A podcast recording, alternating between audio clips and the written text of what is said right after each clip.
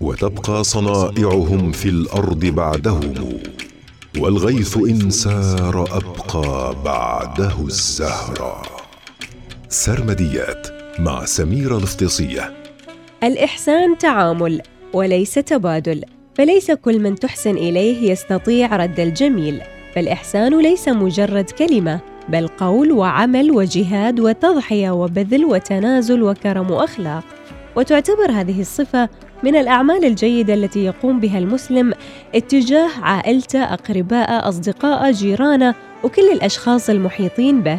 في سرمديات اليوم بنتكلم عن الإحسان، فيقول النبي صلى الله عليه وسلم: جبلت النفوس على حب من أحسن إليها وبغض من أساء إليها. ويقول الإمام علي رضي الله عنه: الإحسان غريزة الأخيار والإساءة غريزة الأشرار.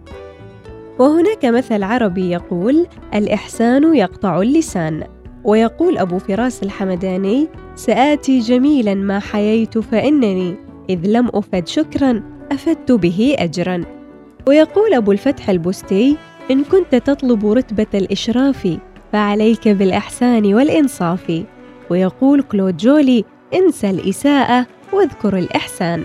ويقول ابن واصل من لم يحسن إلى نفسه لم يحسن إلى غيره. سرمديات مع سميرة الافتصية يوميا في الأوقات التالية العاشرة وخمسة وعشرين دقيقة الخامسة وعشرين دقيقة الواحدة وأربعين دقيقة.